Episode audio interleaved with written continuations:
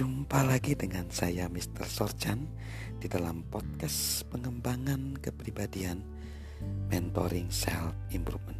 Kita akan membahas tema karakter yang baik teruji dalam masa-masa sulit.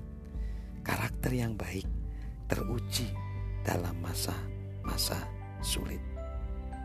Ada sebuah cerita cerita tentang dua orang pria bernama John dan George yang berusia 70-an.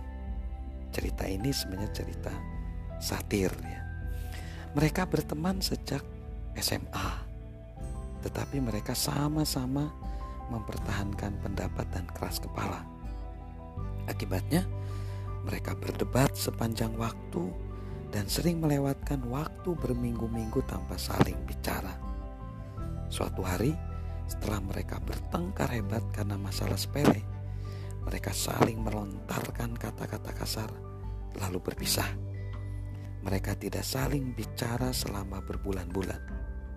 Namun kemudian, George jatuh sakit dan kondisinya kritis.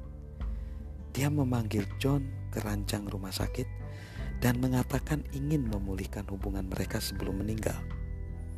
Dia menggenggam tangan John dan berbisik, "John, aku memaafkanmu. Maukah kau memaafkan aku?" John sangat terharu dengan sikap temannya itu.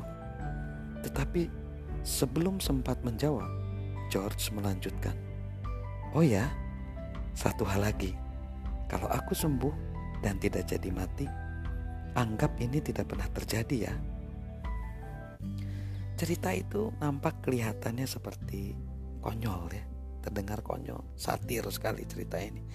Tetapi itu mengungkapkan satu kebenaran penting yaitu bagaimana kita kesulitan membentuk karakter. Kesulitan membentuk karakter itu justru juga membuat hidup kita menjadi sulit. Dibutuhkan orang yang berkarakter sangat baik karakter yang sangat kuat untuk memaafkan dan bersikap lembut kepada orang lain. Seperti ungkapan yang diungkapkan oleh Mahatma Gandhi berkata, orang berkarakter lemah tidak pernah mampu mengampuni. Pengampunan adalah karakter orang yang kuat. Jika kita ingin berkarakter baik, kesulitan hanya akan menguatkan tekad Anda jika karakter kita lemah, kesulitan akan mengecilkan hati kita. Apa yang kita lakukan untuk membuat karakter yang baik setiap hari?